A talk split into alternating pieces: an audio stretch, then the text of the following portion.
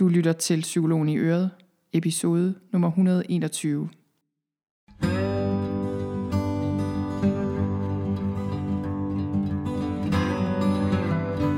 Velkommen til Psykologen i Øret.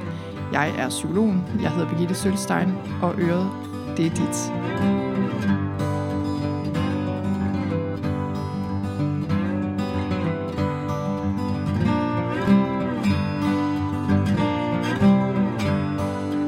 Velkommen til. Det her er anden halvdel af en samtale, jeg har haft med Anna Agerbo lige her for nylig. Og øh, jeg glæder mig rigtig meget til at dele den her halvdel af samtalen med dig også. Du kan finde den første halvdel inde på min hjemmeside på sølvstein.dk-anne og Birgitte 1.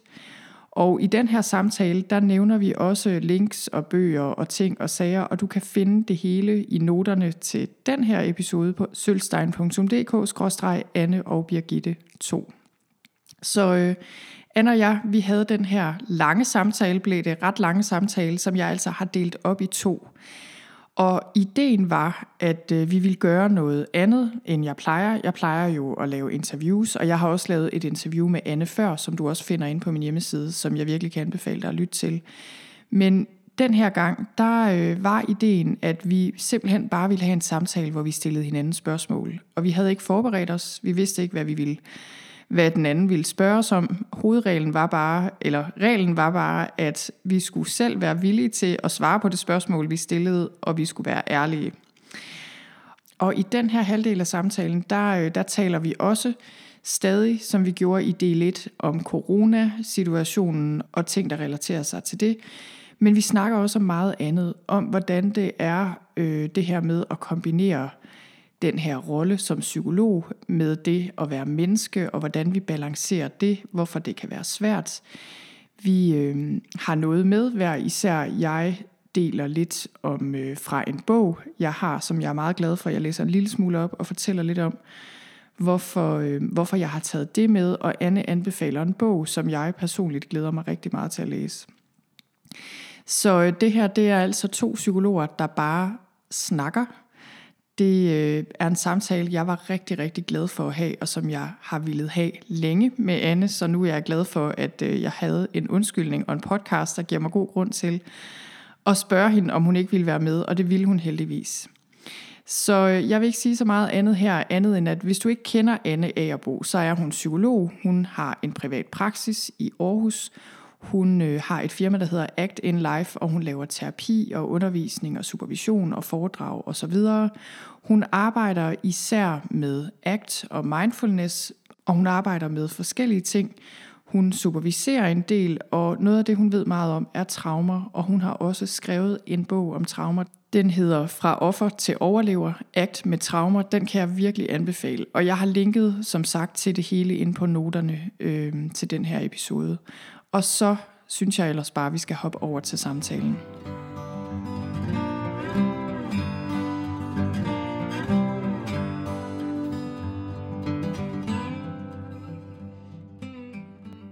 Jeg tror, jeg vil gå videre. Mm. Øh, er det ikke min tur til at stille spørgsmål? Jo, Eller hvad det, det tror jeg. Det, jo, det er det. Det Ja. Jo, det siger vi lige. Det er. Fordi jeg kunne godt tænke mig at øh, faktisk spørge dig om noget helt andet. Mm. Eller jeg ved ikke, om det er noget helt andet, men noget lidt andet som, øh, som jeg har tænkt lidt på, og det er fordi, jeg synes, øh, når jeg kigger på dig udefra, og jeg har også læst din bog om traumer, og sådan ser på dit arbejde, så synes jeg, at, at det virker som om, du mestrer den der kunst med at være psykolog og menneske på samme tid, og ligesom finde den der balance, hvor du også er til stede som menneske i dit arbejde, mm. men samtidig også er psykolog og er ekspert som sådan. Øh, det synes jeg, og så, og så kunne jeg bare godt tænke mig at spørge dig, hvordan Gør du det? Eller det kan også være, det er noget, du ikke tænker over. Vi snakkede lidt om det faktisk også i vores sidste interview, kom jeg lige til at tænke på. Ja. Men, men jeg kunne virkelig godt tænke mig at spørge dig, jeg spørger jo, fordi jeg selv synes, det kan være svært, og fordi jeg ved, der er mange andre psykologer, og måske også andre, der har lignende øh, fag øh, på en eller anden måde. Hvordan, hvordan gør du det? Hvad, tænk, hvad gør du, der er nogen form for tanker om det? Eller hvad? Altså, åh, det, det er et svært spørgsmål. Jeg tror, at noget af det, jeg virkelig øver mig i, og det er ikke altid, jeg kan det, det er at minde mig selv om, hvad er egentlig vigtigst for mig, når jeg mm. træder frem som menneske først, og, og dernæst psykolog. Øhm, Mm. og, og så, øhm, ja, jeg får enormt svært ved at svare på spørgsmålet, fordi det er Ja. noget af det, jeg, jeg har, altså, jeg også tænker meget om, altså, hvad er det, hvad er det jeg står for som, som psykolog? Hvad står jeg for som menneske? Øhm, og, og jeg tror bare, at på et tidspunkt, kan jeg huske, at på et tidspunkt, der besluttede jeg mig for, at det var vigtigere at vise nogle aspekter af mig som menneske, end at Mhm. leve op til min egen fortælling om, hvordan en rigtig psykolog var. Ja, Fordi jeg har ja også, det kan jeg genkende. altså, hold da op. Jeg har alle mulige kritiske fortællinger også. Jeg kan også igen komme til at overidentificere mig med, hvad en rigtig psykolog er for en- en størrelse. Mm. Men på et tidspunkt, så blev det så vigtigt for mig, at jeg hellere ville fremstå som, øh, ja nu ved jeg jo ikke, hvad det er, jeg bliver oplevet som, men, men noget af det, der er vigtigt for mig, det var sådan åbenhed over for, at det jeg taler om, når jeg taler act, det, det, det, altså, det gælder også mig. Jeg bliver Ja. også fanget i det her. Jeg kan heller ikke Ja. altid være i nuet. Jeg Ja. handler heller ikke Ja. altid ud fra mine værdier. Ja, Jamen, og det er lige præcis det, jeg mener. Altså, det er det, jeg oplever med dig nu. Jeg hørte dig også lave et oplæg en dag, hvor jeg tænkte, wow, det var virkelig sådan... Du, jeg synes bare, du ramte lige præcis den der balance. Jeg ved ikke, man kan kalde det en balance, men det der med, at man kunne mærke, at du var der som menneske, og samtidig var du der jo også som psykolog. Og det tidspunkt der, du siger, øh, hvad, hvad, altså skete der noget, eller hvad, hvad, hvad tænker du gjorde, at du kom dertil? Det, føl, det lyder lidt som om, der var en overgang, eller der ligesom var lidt før og efter, ja. eller hvad? Der, altså dels så havde jeg i, øh, jeg havde øh, nogle møder med en herboende tibetansk lama, der hedder Laka Lama, som jeg også tror, Mm, du kender. Ja, ham kender jeg godt. Ja. Øhm, og ham havde jeg fornøjelsen af at være på, og det, det er jo mange år siden det her, det er jo 15 år siden eller sådan noget, havde mm. jeg fornøjelsen af at være på sådan nogle intensive weekender på. Og på et tidspunkt så siger han, jeg har ikke noget at lære jer, men jeg har noget, jeg gerne vil dele. Og det, der sker i rummet, uden jeg kan forklare det mere med ord, det er, at det hjælper mig til at skabe en kontakt til mig selv omkring, hvad er det, der er øhm, vigtigst for mig at Mm. dele. Så jeg deler noget frem for at komme som den der ekspert, der skal vise den rigtige Mhm. vej, eller kunne alle de Mhm. rigtige øh, teorier. Ja. Øhm, og så har jeg haft nogle enormt fantastiske rollemodeller. Og du er jo også en af mine rollemodeller. ja, det, Ja, det er du. Og faktisk så er det er meget beæret over være. et af mine spørgsmål, jeg også har med, øh, Birgitte, det er faktisk i forhold til en podcast, jeg har, har hørt fire gange, du lavede omkring sammenligning.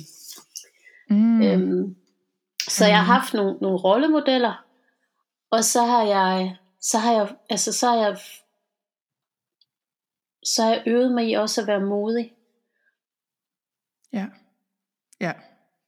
Det er, jo, det er jo det, det kræver, ikke? Fordi jeg tænker, du har haft de her, den her, du kunne mærke, okay, det giver mening at dele frem for at fremstå en ekspert, men så er det jo også, jeg tænker, også fordi jeg kender det fra mig selv, hvad så med den der del af dig, der utrolig gerne bare vil have løsningen og Ja. øh, fremstå som ekspert og være altså meget usårbar, eller hvad skal man sige, øh, slet ikke sådan stille dig frem på den der måde. Den må jo også have været der. Og, og den er der stadigvæk. Altså, øh, Mm. nu ikke på daglig basis, så bliver jeg fanget ind i sådan en øh, fantasi om, at åh, hvis nu jeg bare kunne øh, vide alt i verden omkring bla bla bla, mm. som, som om, altså jeg bliver dagligt fanget ind også i ønsket eller længslen efter at have sådan et skjold, jeg kunne holde op imellem mig og verden. Ja. En metode, der virkede for eksempel Ja, en, for alle. præcis. En metode, der virkede. At jeg bare var ekspert på alt omkring traumer. Jeg kunne alle procenter ja. omkring PTSD-diagnosen udenad.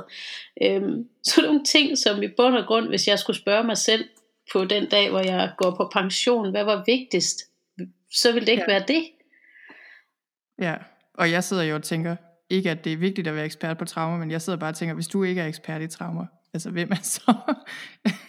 men bortset fra det. Det er de rigtige men, psykologer. Ja. Nå, ja, okay. Hvis du havde en PhD eller flere PhD'er, Ja. eller havde skrevet flere Ja. bøger om det. Ja, eller, sådan noget. Ja. Sådan noget. Okay. Øhm, Ja. Så, så jeg tænker, det er en evig, det er, det er en dag, altså det er måske ikke en daglig træning, men det er en træning, og det er et valg, og det er et genfinde, og det er en genvågen. Ja. Var der andre ting i Lille Akalama, der pegede der Øhm, ligesom lidt dig i den retning i forhold til også at gøre det? Så har der været, øhm, altså så har der været supervisor, som jeg har haft, og kollegaer, jeg har haft. Jeg kan huske min første kollega, min, øh, da jeg var helt nyuddannet. Hun var helt fantastisk øh, hvilende i sig selv og sin måde at være psykolog på. Øhm, så der har været møder med mennesker, rollemodeller. Jeg har været øhm, privilegeret, og jeg har haft nogle backingkor, der har hæppet på mig Mm. og, øh, og kunne se, øh, hvad det var, jeg måske længtes efter at, øh, at ture gøre, eller være psykolog, den måde jeg ja. ønskede at være, længtes efter at være psykolog på. Øhm, så jeg tænker, at der er dels, altså det, det der med relationer og backingcore, der har jeg virkelig været øh, fantastisk. Der har været Ja. andre psykologer, øh, supervisor, kurser, Mm. Øhm, jeg har også været meget inspireret af Eckhart Tolle, som du også nævner. Jeg har været meget inspireret af øh, tibetansk buddhisme. Jeg har mødt nogle mennesker på nogle rejser, som har gjort nogle vilde ting øhm, i deres Mm. fag. Ja, Ja. jeg ved ikke, om jeg jeg, tror, svarer. det der med rollemodeller, jo, fuldstændig. Og jeg tror, at lige præcis det der med rollemodeller og have noget opbakning, det tænker jeg, det har, det har man bare brug for. Vi, der er ingen af os, der kan noget alene, og heller ikke, øh, heller ikke være psykolog på den måde. Jeg tænker også bare, altså du er jo også selvstændig. Føler du ikke også, at det at være selvstændig, og ligesom, der bliver man sådan lidt mere eller mindre tvunget til at tage stilling til os selvfølgelig, jamen hvad er det så egentlig for en slags psykolog, jeg er? Altså det er måske nemmere, hvis man er ansat et eller andet sted, forestiller jeg mig bare sådan lidt at have den rolle, man nu har. Men øh, der må vel også være noget med det, eller hvad, Ja. hvor du har måttet tage nogle beslutninger om, jamen hvad vil jeg overhovedet fokusere på, og hvem, hvad, hvad vil jeg, ja, foku- ja hvad, hvad, er, hvad er jeg for en? Jo, det tror jeg, du har ret i. Ja, og når jeg siger det, tror jeg, du har ret i. og Måske kan du høre, at jeg trækker sådan lidt på det. Mm. Så er det fordi, det har jeg egentlig måske ikke tænkt så meget over igen. Øhm, Nej. Men der er du egentlig ret i, altså, at, at sådan har det jo, sådan, sådan, altså i hvert fald som selvstændig, det, det, det må du jo også kende, og det er jo noget af det, jeg tænker, at jeg ville have lyst til at spørge dig om, også i forhold til det her. Altså, hvordan har du fundet det? Øhm, Ja, jeg ved ikke, om jeg har fundet det. Det føler jeg faktisk slet ikke, jeg har. Men jeg, kan, jeg er i hvert fald meget bevidst om, at jeg prøver. Øh, jamen, jeg tror, jeg kan genkende alt det, du siger. Jeg tror, jeg vi kunne bare øh, kopiere det, og så afspille det igen. ja. det er næsten det samme. Jeg tror også, men der var helt klart også et punkt, hvor jeg, øh, hvor jeg fandt ud af, jeg tror, jamen det var igen tilbage til det her tidspunkt, øh, hvor jeg også, hvor jeg havde det rigtig svært, og alt det her med min søn havde slået også mit nervesystem fuldstændig ud af kurs. Jeg fik masser af angst og alt muligt. Noget jeg ikke bare sådan lige kunne håndtere, du ved, med lidt et par kognitive teknikker, eller en åndedrætsøvelse Mm. eller noget. Og jeg, jeg blev simpelthen bare mere ydmyg over for, hvad det vil sige at have det svært. Og det var, det, jeg synes ikke, det er fordi, jeg var øh, overhovedet født med en sølvske i munden, eller ikke havde haft det svært før. Men indtil da havde jeg nok alligevel kunne håndtere det øh, på, på andre måder. Og jeg tror bare, der skete et eller andet. Jeg blev simpelthen mere ydmyg som menneske, for at være helt ærlig.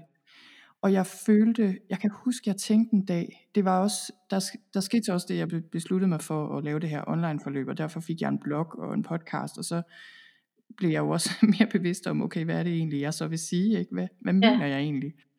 Og der, der havde jeg sådan en meget stærk fornemmelse af, at jeg bliver nødt til at sige ting, jeg kan mærke, jeg tror på er sande. Jeg kan ikke bare læse noget op fra en bog, bare fordi det står der, eller citere et forskningsstudie, bare fordi det statistisk set viser sig at være tilfældet eller et eller andet. Det kan jeg simpelthen ikke. Jeg bliver, jeg bliver nødt til at sige det, jeg tror på er sandt, fordi ellers så, så kan jeg ikke hjælpe folk. Mm. Øh, fordi jeg, det gik op for mig også, da jeg selv, altså det lyder som om, nu har jeg det nemt, og dengang havde jeg det svært, det er jo ikke sådan det er, vel? Men, men alligevel, øh, der hvor jeg virkelig, Ja. virkelig var i krise, der lagde jeg jo også mærke til, at de mennesker, jeg stolede på, og som jeg læste bøger af, og som jeg opsøgte, det var mennesker, jeg selv vidste havde gennemgået ting, der var meget svære, Ja. altså som mennesker. For eksempel Stephen Hayes, Mm. du ved, ACT, øh, fra ACT, Ja. øh, op, hvad hedder det, grund, grundlag, en eller anden form for ophavsmandsagt, kan man godt kalde ham, øh, til det teoretiske grundlag bag. Ikke? Han, øh, han har selv haft masser af panikangst, mm. for eksempel. Mm. Det stolede jeg på. Jeg stolede simpelthen på ham ja. øh, på en anden måde. Og, der, og det, det tænkte jeg, jamen, det er jo sådan, det er. Altså, vi, vi, vi stoler jo på mennesker, når vi kan mærke, at ja. de er der som hele mennesker, også med deres historier. Og, og det, det var lidt en, øh, ja, det, der skete noget der. Og derfra så og til at kunne gøre det, og finde ud af, hvordan gør man så det, det, det synes jeg er svært. Altså, jeg, jeg, og det er lidt det samme med dig. Jeg, jeg må på jævnlig basis gøre op med mig selv. Hvad vil jeg? Vil jeg imponere andre psykologer, eller vil jeg prøve at hjælpe folk? Ja. Altså, øh, og også ligesom, ja, jeg, ja, jeg, jeg kæmper meget, og har især også, ikke så meget mere måske, men kæmpet meget med sådan angst, frygten for at være banal, ja. for eksempel. Ikke? Velkommen Fordi i klubben. Har, ja, altså frygten for at være banal, frygten for, hvad andre, især psykologer, tænker om mig, men også bare generelt. Øh, altså jeg, jeg har virkelig den her indre kritiker, jeg føler, det har du sikkert også, det har ja. alle jo, jeg har sådan en indre psykolog-kritiker. Den er simpelthen så slem nogle gange, altså jeg tænker, jeg vil ikke engang sige højt, hvad den kan finde på at sige. Det er virkelig svært nogle gange at arbejde, når man har sådan en på skulderen konstant. Ja. Øh, og det, jeg føler, jeg har sådan måttet gelejte den om længere ned i bussen ja. bagved, ja. og sige, du bliver nødt til at sidde dernede, fordi du har ikke ret, fordi jeg har besluttet mig for, at du ikke har. Ja, så det er noget, det er noget i den stil. Og jeg, og jeg, jeg ved heller ikke, og jeg, det var svar på og jeg det. griner, øh, ikke fordi jeg griner af dig, men fordi jeg, jeg, det er sådan en genkendelse, ikke? At, at jeg har også en virkelig højt råbende kritiker i min bus. og så mærker jeg bare, at du også, du taler bare sådan lige ind i mit hjerte, når du taler om det der med ydmygheden, som jeg også tænker er, altså ydmygheden over for det levede liv og menneskets kompleksitet og mm. at vi ikke er vores historie, og vi er ikke vores fortid, men vi har jo den med og vi kan bruge den på, på måder til at gavne andre mennesker. Mm. Og det må vel være ja. det vigtigste. Ja, og det er svært, ikke? Altså det, jeg synes er sådan den svære balance i det, det er det der med, jeg er udmærket klar over, jeg har ikke løsningen på noget, mm. fordi det er der jo ikke nogen, der Nej. har. Livet kan jo ikke løses som sådan, og, og det tror jeg heller ikke angst og depression eller stress for eksempel kan, bare sådan lige med et eller andet enkelt. Men på den anden side, så jeg har jo for eksempel lavet et selvhjælpsforløb til angst, og det står jeg jo ved, at jeg har, jeg har prøvet at lave noget, ja. som jeg tror kan hjælpe folk i den rigtige retning. Ja. Det føler jeg hele tiden, at det der skisma, jeg er i, at, og jeg laver også mange sådan nogle, det kan være et blogindlæg med en eller anden 10 ting, du kan gøre for et eller andet. Ikke? Altså det er sådan en mærkelig, det er sådan en underlig, ja der er mange modsætninger i det, føler jeg. Som man skal arbejde med, ligesom du også har skrevet en bog jo, som virkelig er hjælpsom, og på alle måder, altså man får viden af den, og man bliver klogere af den, og den kan, og samtidig har du også den der ydmyghed, og forstår, at jamen, det er jo ikke fordi, du kommer med løsningen, eller på en mm. eller anden måde, at det her er det rigtige, eller den, den eneste måde at se det på. Det er, sådan, det er det, ligesom at kunne rumme det. Mm. Det kræver lidt, synes jeg. Ja. Og det er også der gaven, den kæmpe gave ved at være i vores felt er, tænker jeg, ikke? Mm. Det er også, at, at, at kan vi komme i kontakt med den der ydmyghed over for, hvor kompleks et menneskeliv er, så ja. Er der bare så meget læring og så mange gaver og så meget at opdage og lære øhm, ja. der i kølvandet på det. Ja. Ja. Ja. Det er meget sjovere, også som psykolog. og som menneske, ikke? Og vi er jo mennesker. Ja. Ja, men jeg synes faktisk også, jeg ved ikke hvordan du har det, men jeg kan se, at jeg også er blevet en bedre psykolog. Jeg er simpelthen blevet bedre til at hjælpe folk med årene selvfølgelig også, men også fordi der er noget, øh, det, det gør simpelthen en forskel, føler jeg, når jeg kan, når jeg prøver at nå folk på den måde. Øh, det kan jeg jo se, ja. føler jeg i hvert fald, jeg kan se i mit arbejde, altså simpelthen i forhold til, hvor effektiv jeg er, ja. hvis man kan sige det på den måde. Ja, det tror jeg, jeg genkender også. Øhm, er jo mere jeg kan give slip på, på øh, så vi kalde det ego, eller forestilling om, at jeg skal være på en bestemt måde, fordi der skal ske noget bestemt i den her relation, eller i den her terapi ja. her. Ja. Og være nede i processen med, at jeg sidder over for et andet menneske. Med forskellige roller selvfølgelig. Ja. Jo mere jeg kan være inde i processen og tør det give slip på min egen kontroldagsorden, eller hvad jeg nu kan have med mig. Ja. jo mere tror jeg også, vi kommer til at lave terapier, der handler om det, der er virkelig vigtigt. Ja, det tror jeg også. Eller foredrag, eller bøger. Eller, eller foredrag, eller bøger, eller undervisning, ja. Må jeg spørge, inden vi går videre til næste ja. spørgsmål, nu du behøver ikke, hvis du ikke øh, vil svare. Jeg tænker bare, jeg spørger, fordi jeg tror, at mange psykologer øh, måske kunne have gavn af at høre det. Det der med, hvis, vil du sige noget af det, din indre kritiker siger, så skal jeg også nok sige, hvad noget af min ja. indre psykologkritiker kan finde på at sige til mig. Den siger, det er så banalt, det du står og siger. Det er selvfølgelig mm, leder. Siger det, hvis du for eksempel holder foredrag? Eller? Ja, altså jeg lavede en online øh, introduktion til ACT her i sidste uge, og der registrerer jeg bare, mens jeg står og forsøger at formidle, at så har jeg sådan et kommentarspor kørende i baggrunden, der siger, det du siger nu, det er jo selvfølgeligheder. Ja. Øhm, du skal vide, hvad nu hvis du, nu siger du sikkert noget, der ikke er helt præcis korrekt viden, du har misforstået mm. det du siger, mm. ej, nu har du fortalt om dit eget panikangstanfald, du havde engang i en flyver igen, ej, hvad vil, det gider, hvad vil folk ikke tænke, det gider de ikke at høre ja. på, nu er du for selvcentreret, øh, måske er du også lidt narcissistisk, ja. så, så den starter sådan et sted, der typisk handler om øh, ikke at være god nok. Og så ryger mm. den derfra ud i alle mulige, øh, øh, alle mulige øh, variationer og afkroge af fædre og kusiner ja. til, til den grund ja. øh, tanke. Jeg tror, min, in, min indre kritiker er i familie med din. ja. det er meget ens. Men jeg spørger dig også, fordi jeg tror, det er meget vigtigt, at folk ved det her. For det første, altså det er almindeligt at have den mm. slags jo ikke kun dig, der har sådan en indre kritiker, men også at det er ikke så meget det, fordi du har den jo stadig, mm. og det har jeg også. Ja. Det er ikke så meget det, det er mere det der med, om man tror på den, eller hvad, eller hvad vil du sige er forskellen? Ja, ja. Eller grunden til, at du så alligevel gør det, at du alligevel siger noget, og ikke bare tænker, om så må jeg også hellere jamen, lade være. Jamen, der, jeg tror, der er sådan et, det der med at have trænet, øhm, at at jeg kan både have tanken, uden at den behøver at påvirke min adfærd.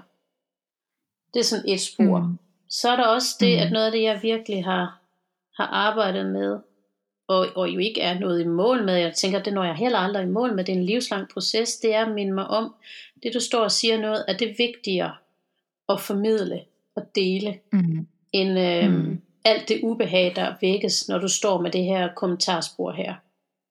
Ja. Ja. For når jeg står der, som jeg stod der den der eftermiddag der, ikke, så, så registrerer jeg jo øh, tendensen til at, at kunne sige, at jeg kan også øh, øh, sende, jeg kan også sige, om det er aflyst for resten. Øh. ja. Jeg må hellere bare. må nok hellere bare pakke ja. sammen. Ja. Øhm, gemme mig i et hul et sted. Ja, så, så jeg tænker, det du måske taler om, når, når du taler om det her med, øhm, hvor meget man tror på den, så er jeg også rigtig meget optaget af, hvor meget magt får den. Mm. Altså, og, mm. og det har vel noget at gøre med, hvor meget tror vi på den. Men i øjeblikket, ja. så, i øjeblikket, hvor den er virkelig larmende, der tror jeg jo meget på den. Ja, ja det føles, ja, og, men, og jeg, men jeg kommer også til at tænke på, når du siger det, at et er, at vi selv lader være med at tro på den, men også det er jo også der, det kommer, det bliver så utrolig vigtigt at have noget opbakning. Ja. Altså simpelthen kende nogen, der kan modsige den der indre kritiker og sige, ved du hvad, det der, det er simpelthen ikke rigtigt, det er simpelthen ikke sandt, ja. at du ikke dur til noget, eller hvad man nu, hvordan man nu har ja. det. Det tror jeg, det er svært at gøre alene. Altså man har brug for nogen andre, om det så er en bog, man læser, eller noget, man lytter til, eller nogen, man kender, der sådan kan mod, modarbejde den der lidt. Ja, det tror jeg, du har så meget ret i. Øhm, det her med backing, altså vi kan gøre noget selv, ikke, fordi vi kan selv være opmærksomme på det, men vi kan ikke gøre det uden hinanden. Nu sidder du og jeg og taler om det her, så, så nu skaber du jo en kontekst for mig, en relation for mig til, at jeg kan læne mig ind i det at smage sammen med dig på, hvad min kritiker siger. Mm-hmm. Og du siger også, jamen, jeg tror, de er familie, fordi det min siger ligner det du siger. Og, ja. og pludselig så bliver der jo lige, det der sker over i mig nu, det er jo, der bliver pludselig mere rum til mig, men jeg får også mere afstand til min egen tænkning, så jeg ikke bliver så ja. overbevist om, at den er 100% korrekt. Ja, det er det. Ja. Ja, og jeg tror også, det der sker, jeg skal nok sige noget om, hvad min siger. men men jeg, jeg føler lidt, at det er sådan en kunst det her, fordi man kan også komme til, ligesom bare vil afskrive den der indre kritiker, og sådan næsten latterliggøre den, eller ligesom bare, jeg ved ikke, hvordan jeg skal sige det, men du ved, sådan, have sådan et meget, jeg bare afskrive den fuldstændig, mm. og bare sige, jamen, den skal jo også bare dø, eller yeah. et eller andet, ikke? Og det oplever jeg, det er heller ikke en vej at gå.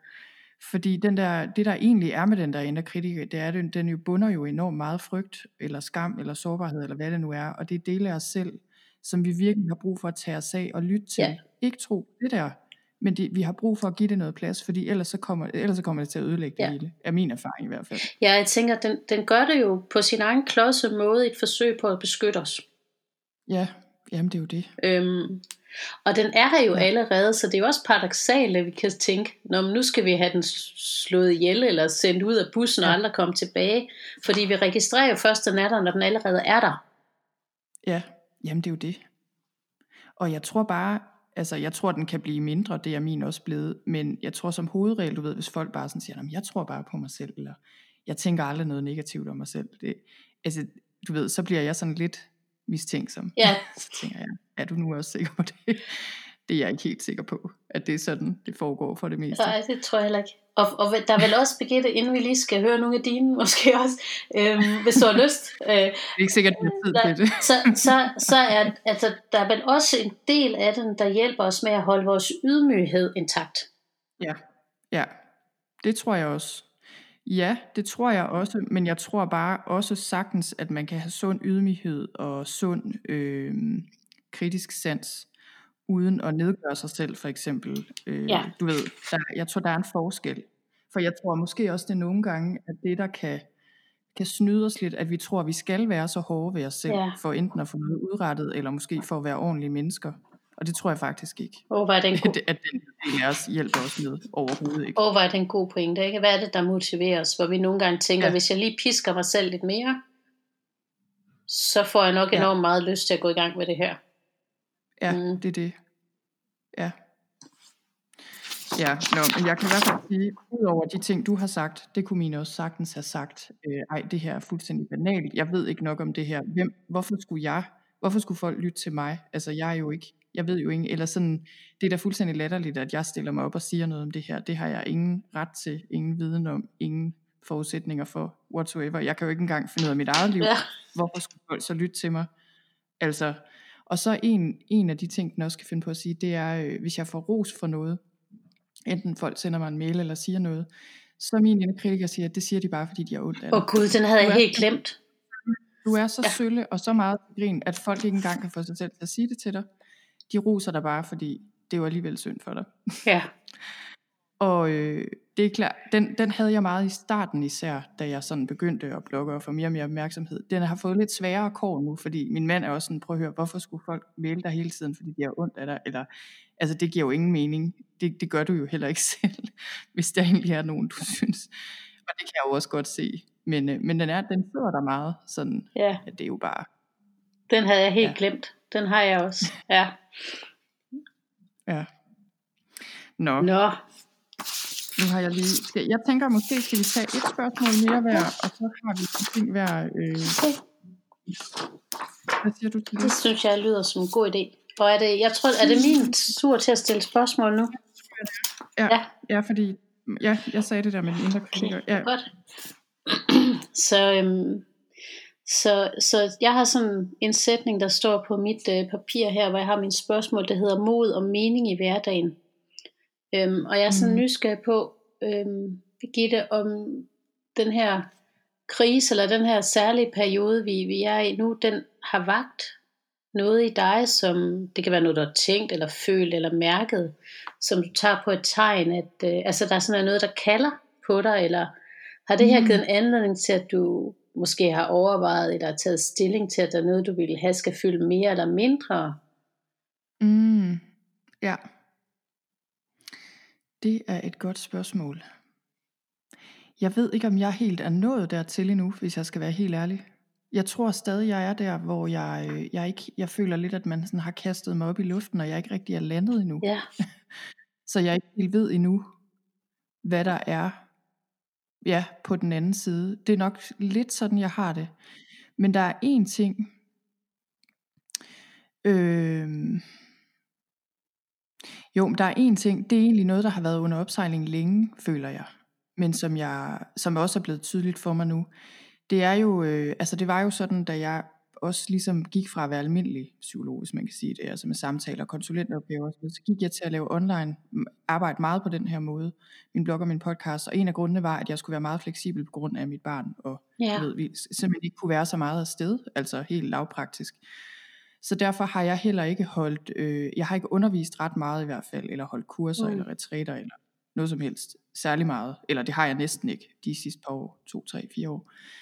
Og det er noget, jeg hele tiden har vidst, jeg gerne ville tilbage til, øh, selvfølgelig på et tidspunkt. Ja. Men, og jeg kan godt mærke nu også, fordi med hele den her sociale isolation, og det er blevet så tydeligt for mig, hvor meget det betyder for mig selvfølgelig, at have noget, altså virkelig connection, ja.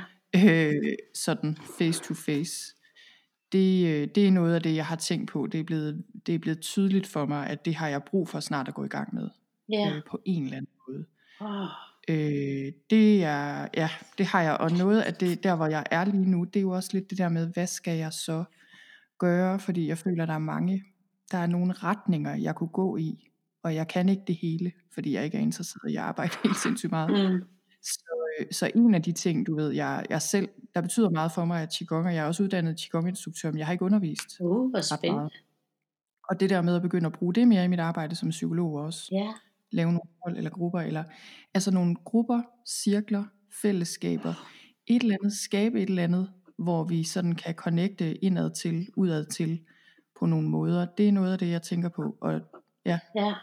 Det er en ting, og hvis jeg skulle sige en anden ting, også øh, som jeg har tænkt over, det er øh, det her med angst, som er noget, jeg, jeg selv har oplevet, og som jeg også har arbejdet en del med at lave det her selvhjælpsforløb til angst.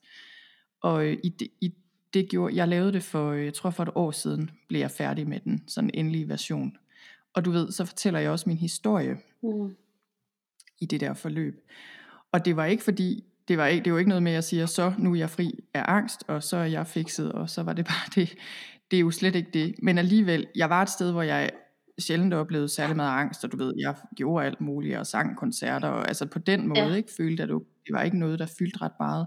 Og så lige her den seneste måneds tid, er det virkelig dukket op igen, big time, på sådan nogle andre måder. Det har været meget mærkeligt, og jeg tror noget af det har noget med alt det her corona at gøre. Men Jeg har i hvert fald godt kunne mærke, at der er noget, der er noget med det, hvor jeg også skal have det, øh, have min historie fortalt på lidt en anden måde, også i forhold til, jamen jeg skal sådan have det integreret på en eller anden måde. Hvad handler det om? Hvorfor, hvorfor øh, popper det så meget op nu? Og det tror jeg, jeg skal, både for ligesom selv at forstå bedre, hvad det er, der foregår, og ligesom også altså få, få mere ro i mit nervesystem. Det har jeg også allerede fået lidt, føler jeg. Men, men også fordi jeg tror, at andre oplever det. Jeg, jeg forestiller mig, og jeg ved også, at, øh, at mange andre også oplever det lige nu, mm. med stress eller angst, eller andre ting, ikke? Øh, der virkelig sådan ja. kom, kommer op. Øh, ja, det ved jeg ikke, om var svar på det, du egentlig spurgte Ja, det tror jeg. Der, der, og der er mange ting, jeg får lyst til at tale meget mere med dig omkring. Øhm. Ja, men hvad med dig? Må jeg spørge ja, dig? Ja, selvfølgelig. Øh, øh, du må også godt spørge om andre ting, hvis du lige skulle til det. Ja. Men, øh. Altså, jeg, jeg tror, jeg er, sådan, jeg er heller ikke helt, jeg er ikke landet. Øhm, og jeg tror jo også, det er også en proces, ikke? Vi kommer til at blive kastet op, og så lander vi, så bliver kastet op, og så ja. lander vi. Ja, ja. Men, men noget af det, jeg virkelig øh, vil forsøge at committe mig til, det er at, øh, at have en periode her, hvor øh, jeg ligesom så, sådan, står sådan i det åbne og overvejer, jamen, hvad skal der ske med mit arbejdstempo? Øh, mm. Hvad er det for nogle nye måder, jeg kunne, kunne have lyst til at bruge mig selv på? Øh, jeg er i gang med at afprøve det der online øh, noget, og det tiltaler mig på mange måder. Jeg kunne have mm. lyst til at skrive lidt, øh, så, mm. så jeg ser lidt, at, at, at det, det kalder på for mig, det er sådan en tid, hvor jeg, jeg står i, ikke tager nogle beslutninger for hurtigt, ikke går i produktionsmode for hurtigt, men, men mm. netop tager en, en refleksionsperiode og en mærken efter, en sen, hvad dukker der op, hvad er det for nogle bøger, jeg får lyst til at række ud efter. Øhm, ja. Ja. Og så ja. genkender jeg virkelig også det, du siger med, med at kigge på sin egen historie, og måske få den fortalt på, øh, på en ny måde, eller med nogle flere facetter, det er jeg faktisk også lige præcis på vej til at gå i, øh, i gang med.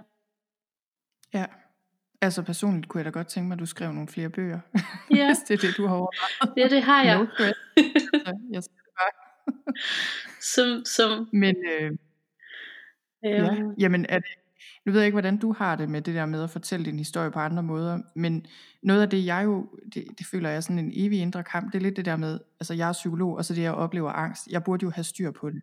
Jeg kan jo ikke være psykolog og vide så meget, og også have været på diverse efteruddannelser, og endda have gået i terapi, og så stadig opleve ja. angst. Altså det er jo bare ikke godt nok.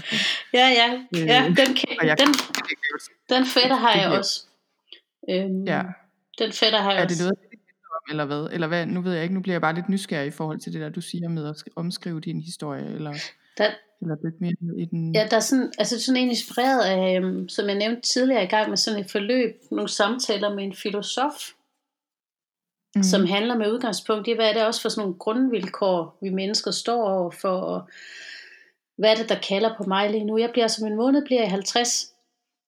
Mm. Øhm, så der er også nogle, nogle, nogle ting, sådan livsfase ting, der, øh, der begynder at dukke op så småt. Og noget af det, jeg mm. kunne være nysgerrig på, det var at kigge på, jamen, hvad er det for nogle roller, jeg har haft i min familie, og på hvilke måder mm. vil jeg mm. tage noget af det og bære videre, og hvad skal måske efterlades, eller er der, er der et aspekt af mig, som ikke har fået så meget plads, som trænger til at komme, få lov til at komme ud og, øh, og lege. Mm. Blandt andet det mm. der med at lege med ord, og lege mere med det skriftlige. Ja, wow, det lyder, det lyder spændende. Jeg ved ikke, hvorfor jeg lige pludselig jeg kommer til at tænke på noget. Jeg tror faktisk, du sagde det også, da du holdt et oplæg, jeg hørte. Det der med, at de der dele af os, der ikke er, altså de er ikke lost, de er ikke væk, men de kan være glemt. Ja. Det, jeg, får, jeg ved ikke, hvorfor jeg får sådan et billede af det der, wow, altså der er måske nogle sider af dig, øh, af os alle sammen, ikke, som vi virkelig har brug for at få noget kontakt til.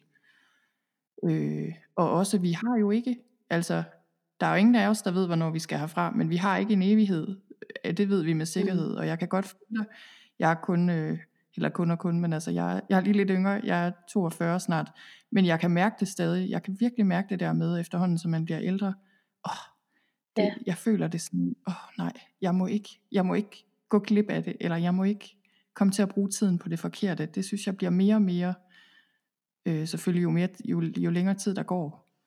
Ja, ja det giver Nå. så meget mening, det du siger. Nå, altså jeg føler jo, jeg ved ikke om vi skal lave, kommer til at lave flere af de her, fordi jeg føler, at vi kunne sidde her og snakke i mange timer. Det kunne vi også. Jeg har mange spørgsmål, jeg kunne tænke mig at stille dig. Men øhm, skal vi ikke, øh, jeg tænker, jeg kunne godt tænke mig at runde af med de her ting, vi har taget med. Mm. Øhm, ja. Jeg ved ikke, om jeg, er det okay, jeg starter? Ja, eller endelig. Altså det, jeg egentlig bare har taget med, det er for det første den her bog, Uncomfortable, eller slutter, det var et Freudian slip, jeg sagde uncomfortable, men altså bogen hedder Comfortable with Uncertainty øh, af Pema Chödrön.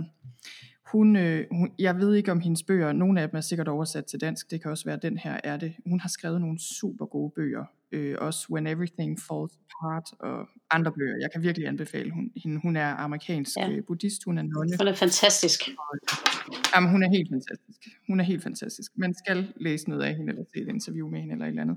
Nå, men i starten af den her bog, øh, jeg tror faktisk, det er det første kapitel, ja, det, det kapitel øh, hedder The Love That Will Not Die.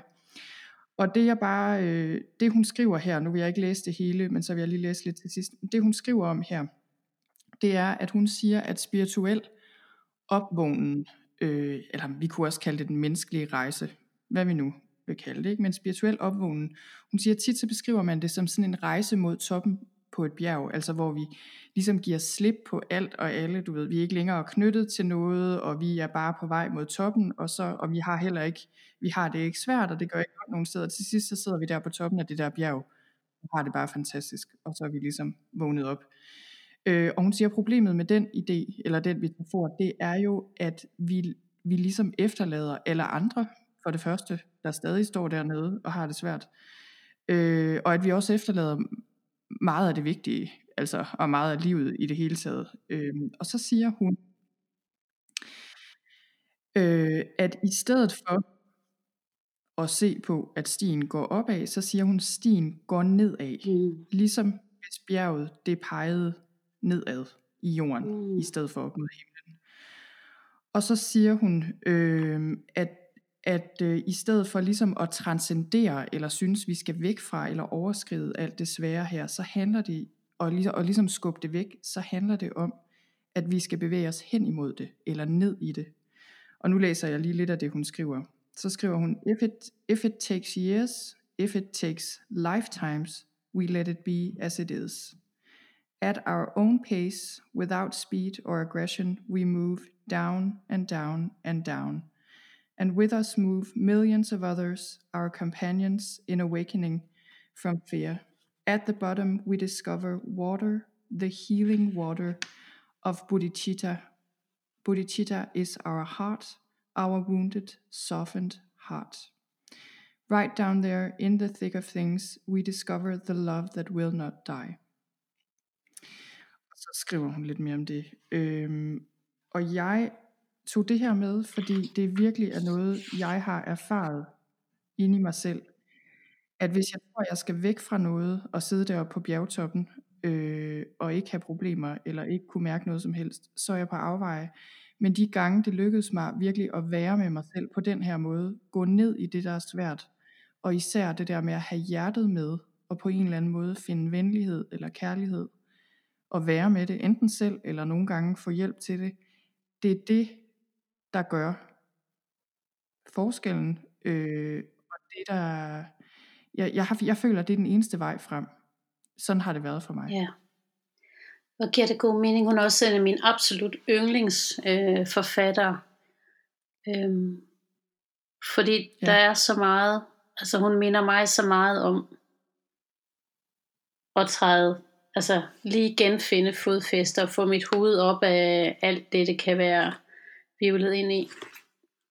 Ja. Så, så mens øh, vi har talt sammen, egentlig så havde jeg taget, øh, jeg havde taget både noget med fra øh, Rumi, som er en fantastisk sufi-digter, hans øh, Mhm. gæstehuset, og så har jeg taget noget med øh, Khalil Gibran også, som har skrevet om fornuft og følelser. Men mens vi har talt sammen, så er jeg faktisk kommet i tanke om øh, en bog, som jeg hellere vil nævne. Mm. Og øh, det er en bog, der hedder Det tomme spejl. Den er skrevet af en hollænder, der hedder Jan Willem van der Wetering. Okay, Og- vi linker lige til den i noterne til Det gør episoden, vi, Kan jeg ja. det samme. Folk ikke helt i panik over det navn. Og den, Den har jeg aldrig. nej, den, og den, den handler om øh, en ung hollandsk mand, der rejser til Japan og bruger to år i et zen-buddhistisk øh, kloster. Og han kommer der med ønsket om at finde frihed og sætte sig fri fra alt det, vores, øh, alle de forstyrrelser, vores tanker og følelser og rendringer genererer. Og det, der er fantastisk mm. ved den her bog, og en periode så kaldte jeg det faktisk min trøstebog, fordi jeg læste den hver gang, jeg synes, jeg ikke kunne finde ud af det her med at blive nærværende. Og jeg også rev, blev Mm. revet med af mine selvkritiske tanker. Fordi det, der er fantastisk ved den, det er, at den beskriver de år i, øhm, i klosteret, og hvor mange, mange gange han opdager, at han er nødt til at genoptræne sin træning. Mm. Øhm, den er på 120 sider, og den er meget, meget let læst. Men den er Mm. simpelthen så dejlig, fordi man kan sådan læne sig ind i hans prøven, og fejlen, ja. og prøven igen, og fejlen, og at det er en del af vores proces, og det er okay. Ja. Fantastisk. Ej, den vil jeg gerne læse. Jeg synes i det hele taget, jeg ved ikke hvordan du har det, men det der med bøger og have noget på den måde, ikke?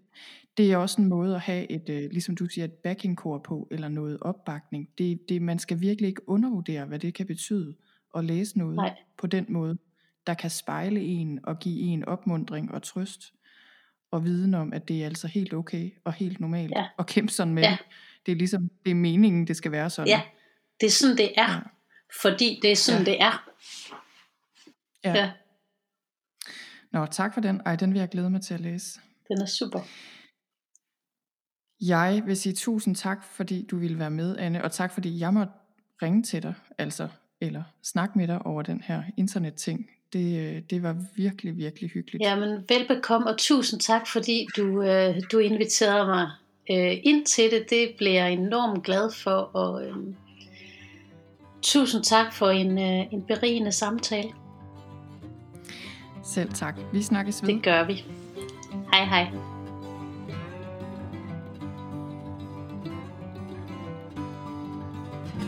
Og det var alt for nu. Tusind tak, fordi du lyttede med. Jeg håber, du fik noget ud af at lytte til den her samtale. Jeg håber, at øh, det mig og Anne deler her, det vi taler om, er noget, du kan genkende. Noget, du kan bruge til noget. Jeg tror, det er noget, du kan genkende. Jeg føler, øh, at jeg erfarer efterhånden, som jeg bliver ældre og klogere, og lærer flere og flere mennesker at kende, at vi mennesker, vi er i bund og grund ret ens, når det kommer til stykket. Og det er en god ting. Det er kun på overfladen, vi er forskellige. Jeg håber, du må få en rigtig god dag, hvor end du er derude. Ha' det godt, til vi høres ved igen.